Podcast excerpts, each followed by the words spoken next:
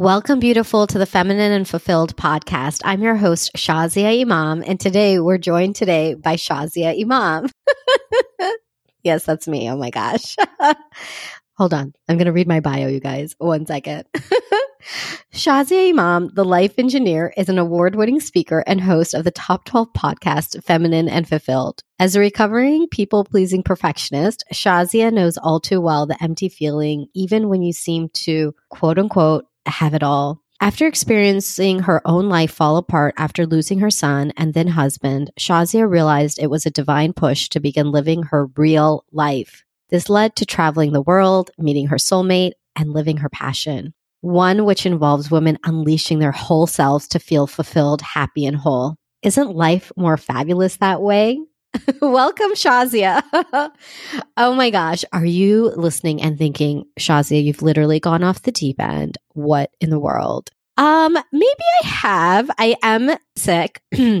Excuse me. And I wanted to do this episode because I wanted to be so completely transparent with you all that because I was sick in this past week, I ended up dropping the ball on having my guest episode release as it typically does every single Tuesday. I have a feminine and fulfilled podcast episode drop. And this is the first time that I've I've actually missed that deadline and a part of me was feeling really bad about it to be honest like oh my god I'm letting everybody down and I know that some of you literally wait on Tuesdays to listen I've heard from so many of you how much you look forward to this podcast. And I felt like, oh my gosh, I, I was letting you down by not getting an episode out in a timely manner. And it really hurt. And I can be like, oh, I was sick. But to be honest, it was a number of factors because typically I'm well prepared in advance. I have a pipeline of guests that I've already interviewed and I have a launch schedule that makes sure that we deliver every single week.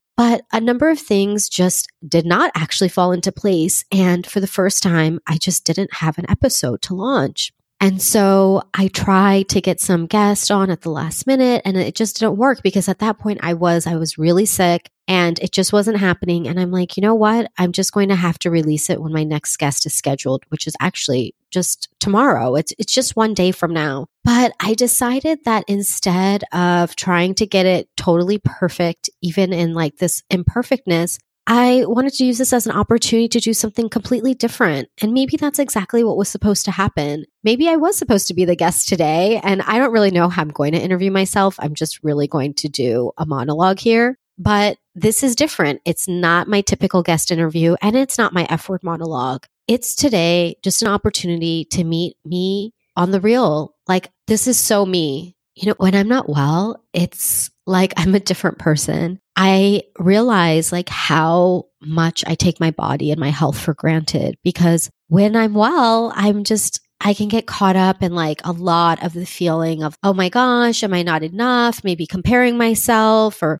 just feeling like I have so many things to do. When am I going to do it? And then getting lazy even and just feeling like I'm going to do it tomorrow. There's a lot of patterns and stories that I can be in typically when I'm healthy. And one of them is not actually thinking about my body. But when I am ill, and I'm under the weather and I don't have energy and I'm just stuffed up as I am today and my head is in a fog and it takes so much energy to just do the simplest thing, I realize how grateful I am for my health. I realize, oh my gosh, the gift of health is like the greatest thing in the world. And there have been many times in my life that I've been really sick. And for me, I don't get sick often, but when I do, it comes on with a vengeance. It's like every two years, it's like, you haven't been sick in a long time. So you're going to be really, really sick. And, and then I have that time to like stop and to think and to reflect because I can't do anything. I literally can't.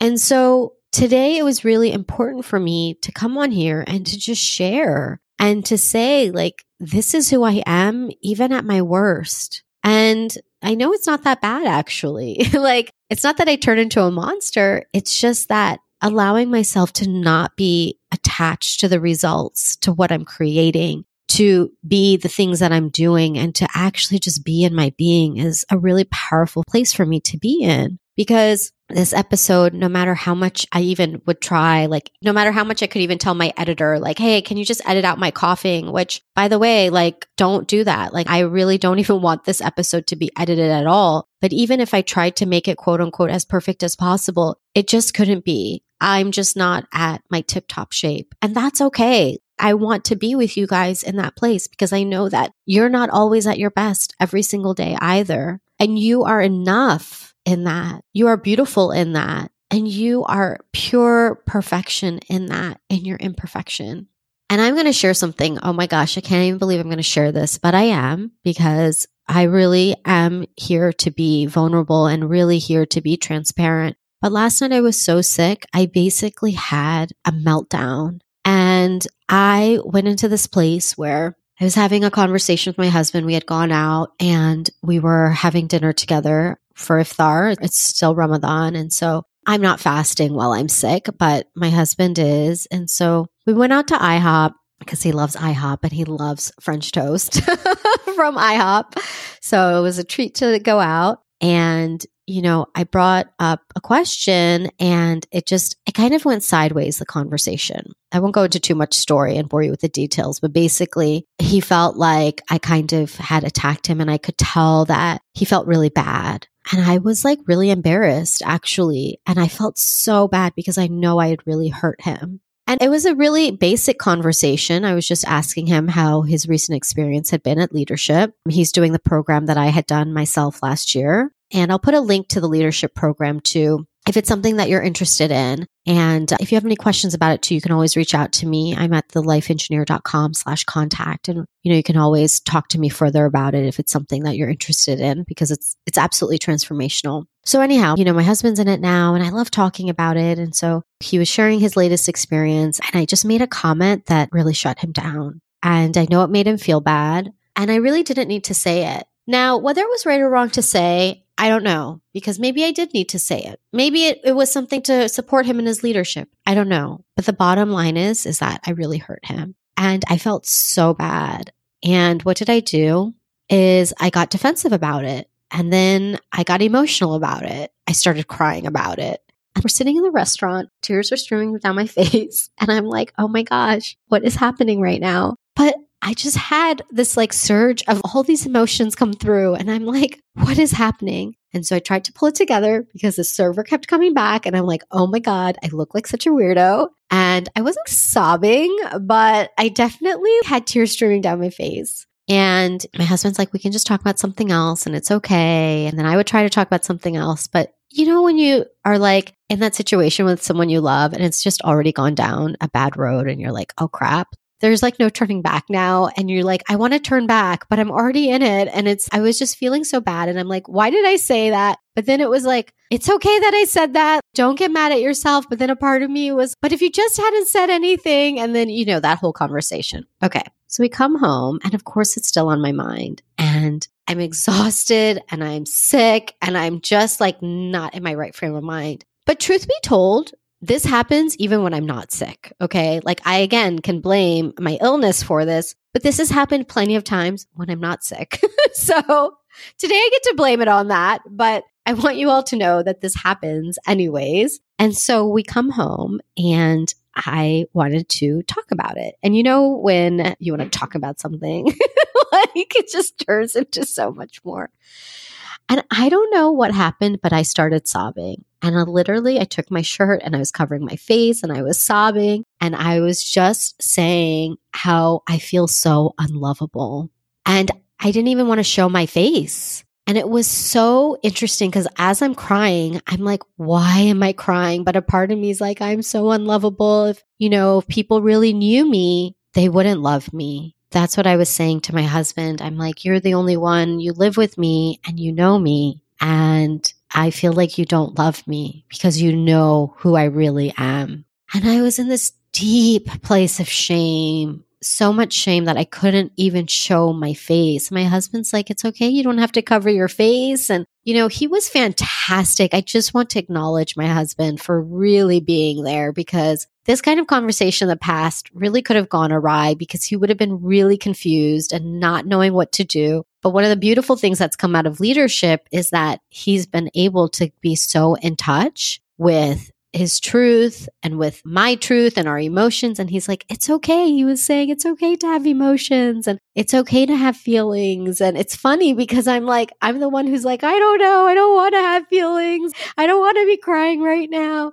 And he's like, it's okay. And so, like, I'm just covering my face and I'm sobbing. And there was this deep place of shame and feeling not enough, just feeling not enough and feeling truly unlovable and truly feeling like if somebody knew the real me, they wouldn't love me. And even as I said it last night, there was a part of me that was like, that's not true. But the part of me that was ashamed and embarrassed and feeling guilty, oh man, she needed to come out. And I cried and I cried and I said a lot of things that when I woke up this morning, I'm like, oh God, did I really say that? But the thing is, is that I did and it happens. And it's okay. We're going to move on. And it's not the end of the world, even though something like that in the past really would have felt like, oh my gosh, you know, I know my husband would have probably felt really hurt and then withdrawn for a while. And then I would have felt bad because then he's withdrawn and I would have been like, I messed everything up and here I go again. And why do I do this every time?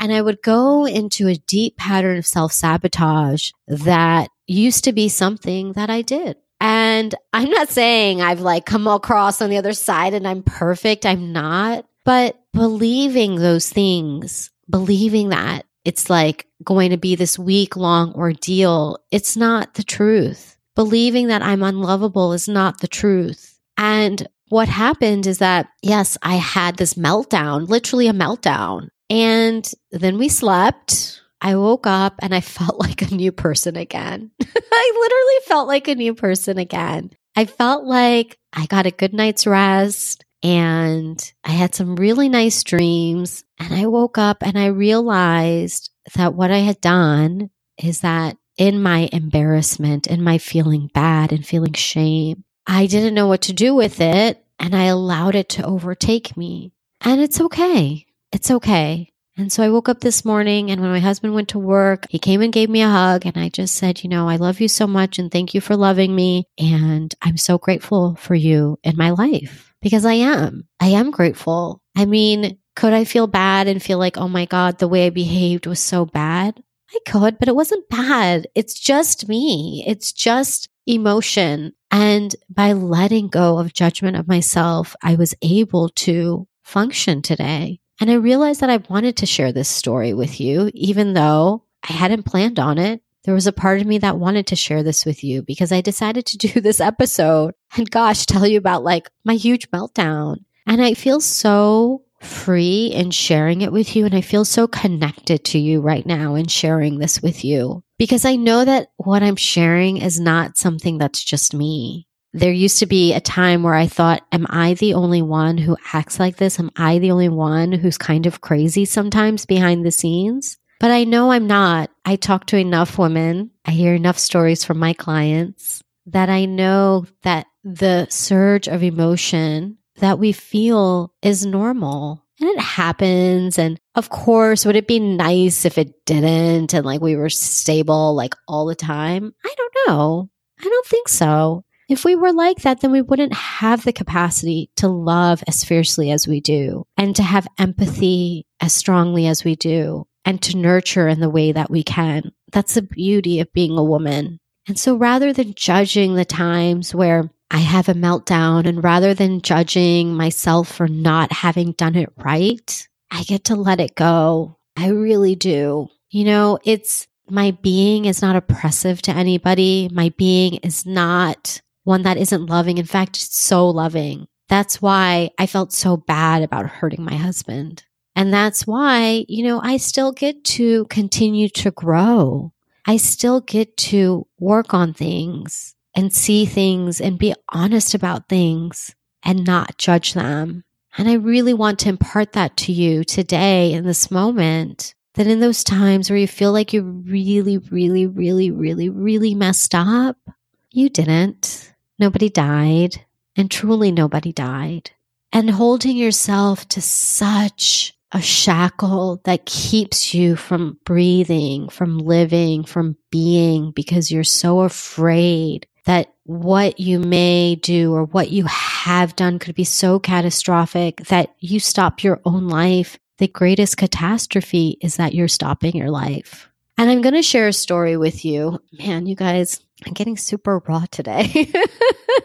I mean, I always get raw, but oh my gosh, I'm like going really, really deep. When I was going through everything with my former husband, and things were just totally falling apart, and I was trying everything to save my marriage at the time, I had this deep fear. I literally thought that if I got divorced, I would let everybody down. I think that's a normal fear. And I was worried that, you know, I would let my parents down because that's what they wanted for me and that I didn't give them any surviving grandchildren. And that I would be letting down my former husband's nieces and nephews because they really looked up to us as a model couple. And I'd be letting his siblings down who I was really close to and that, you know, this person that they loved so much was no longer going to be in their life anymore. And I was worried I was going to let the community down because, again, we were the model couple. And so I had all these pieces about letting people down.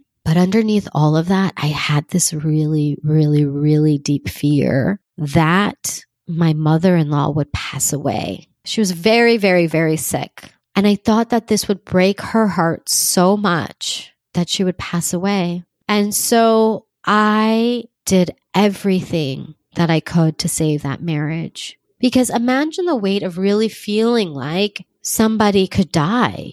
And that's what I believed. She had a heart condition. She had diabetes, depression. I mean, a number of things that, you know, a lot of South Asian elderly women have. But, you know, she had been into the hospital so many times during my former marriage and she just, she was very ill. And so I just thought that this would take her over the edge. And I didn't want to be responsible for that. I didn't want to be responsible for that because I loved her so much. She was the most beautiful woman. She was so loving. She was so caring. And she was really one of the most beautiful women I ever met. And I'm grateful to say that about my mother in law because I know that's not a term often used, but I was very blessed to have such a beautiful mother in law. So this fear used to plague me. And the thing is, is that as I was trying to save my marriage, I had stopped breathing because the marriage had died a long time ago.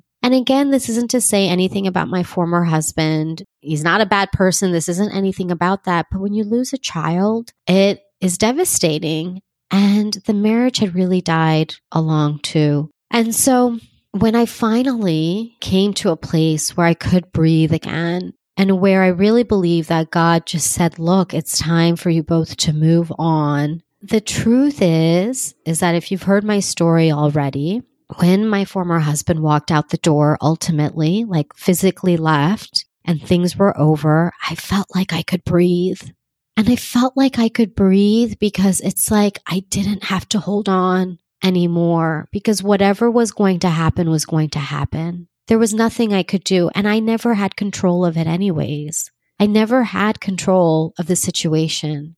I never had control of the way his nieces and nephews would feel. I never had control of the way the community would feel. I never had control in bringing my parents' grandchildren. I never had that. And I had to let these things go. And ultimately, I never had control of somebody's life. And so the feeling of that freedom and that weight being lifted when I no longer was in a place where I was married, where I had to try to save it. I had to try to save it. I had to try to save it. I could literally breathe. And life went on. And what happened next is that my community definitely grieved. I mean, I definitely had to console some people who were in tears, even months afterwards. when people would find out and they would actually have tears in their eyes and they couldn't understand. And I, I would console them, and that was fine because I knew how much they loved us. Everybody moved on. You know, my former husband's family, they moved on. I've been able to keep in touch with his nieces and nephews that I was always close to. In fact, I just spent a weekend with his nephew and wife and their kids this past weekend when I was visiting Seattle, which was such a treat. And what I realized is that souls come together for a reason. We may come together through familial bonds, whether that's biological, maybe through in laws, maybe through step situations with blended families. But the truth is, is that souls come together because they were meant to be. And so I was able to and continue to keep in touch with family members from my former in laws that are still family to me and always will be.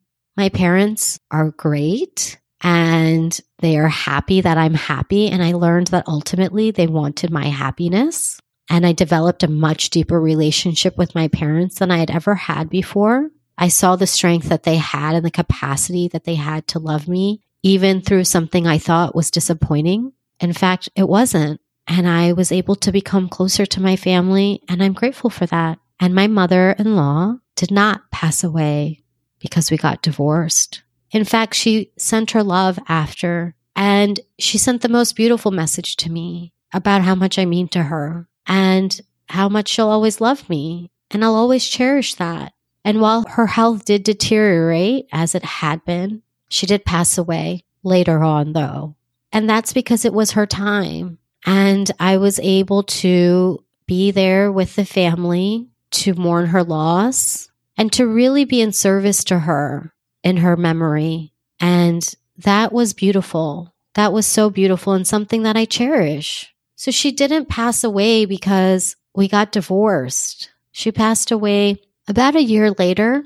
I think a year, a year and a half, maybe two years. And it was because it was her time. And she always used to say that if she died in Pakistan, she wanted to be buried next to her parents. And if she died in the US, she wanted to be buried next to my son, Chotu Sonu. And that always melted my heart. And ultimately, she was buried next to her parents. She passed away peacefully in Pakistan. May God bless her soul and give her immense light right now in her grave and grant her the heavens. So I wanted to share all this, and I know it got really deep. And thank you for staying with me if you have up until this point, because I know this isn't my normal energy and fun and all of that, but it's what needed to be shared today. And I wanted to share that even when you can feel like there is so much guilt associated to something, when you can bear the burden of something, I want you to know that you don't bear that burden you don't have control over circumstance. You can let go and you can give it back to God and you can say, I give this back to you and I trust that you will take care of it. And that it's more important that you breathe because you can control your breath. You can't control somebody else's life. You can't control the way that people perceive you or not perceive you. You can't control other people. That's the truth. But if you're not breathing, you won't be living and you're meant to live. You are meant to live. You're meant to survive and you're meant to thrive. And I see so many women who carry this burden, this guilt, this shame, this regret. And I want to let you know that you don't have to anymore. I want to let you know that if you quote unquote mess up, it's okay. Again, nobody died. Even when I thought somebody was going to die because of some circumstance, that is not what happened. And when somebody dies, it is their time.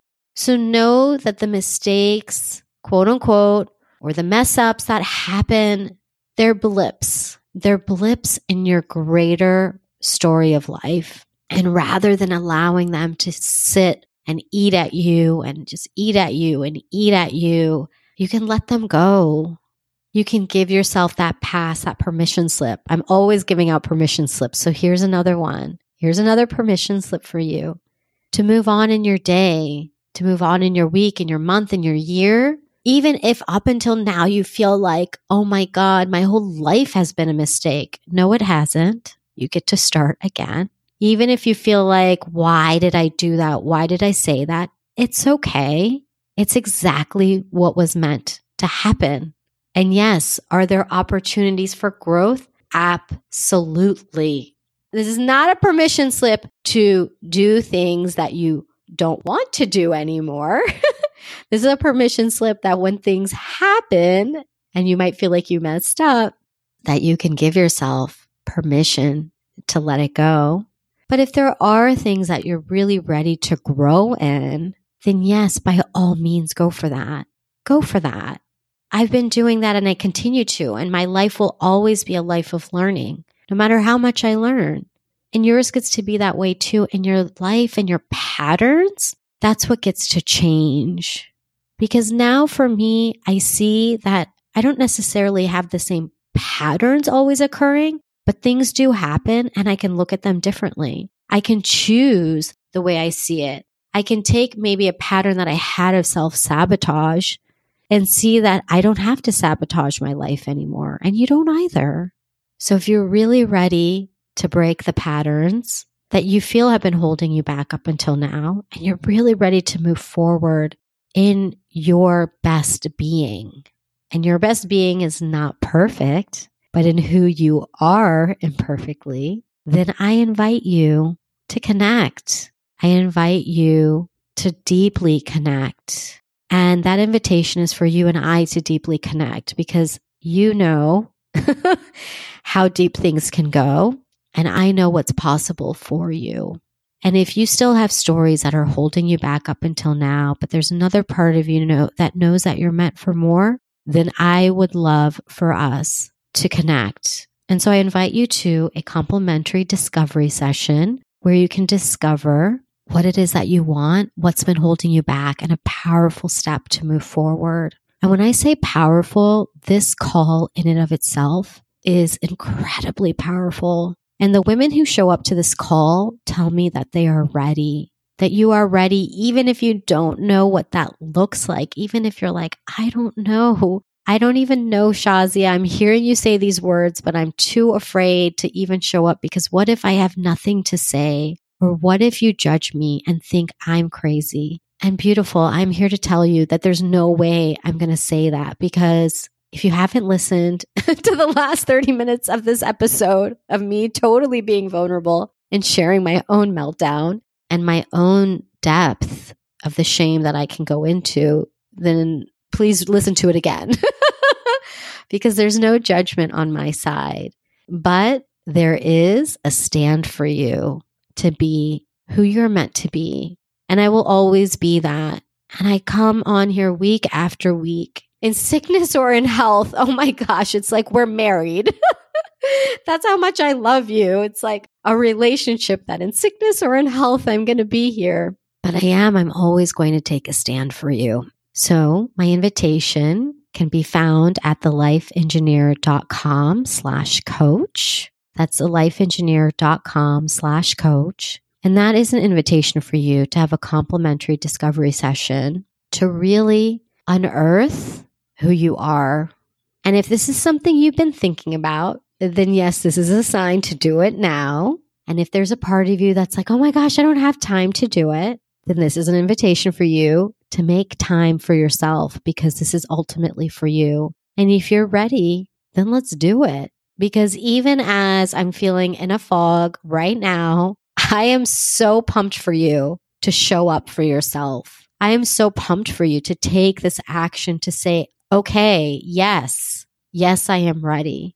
Because I don't want you to live a life of regret or of shame or of guilt. Like that gets to be let go. You get to live your life thriving in passion and love and forgiveness in allowing yourself to breathe and breathe deeply. So again, I invite you. Yes, you. Mm-hmm. You.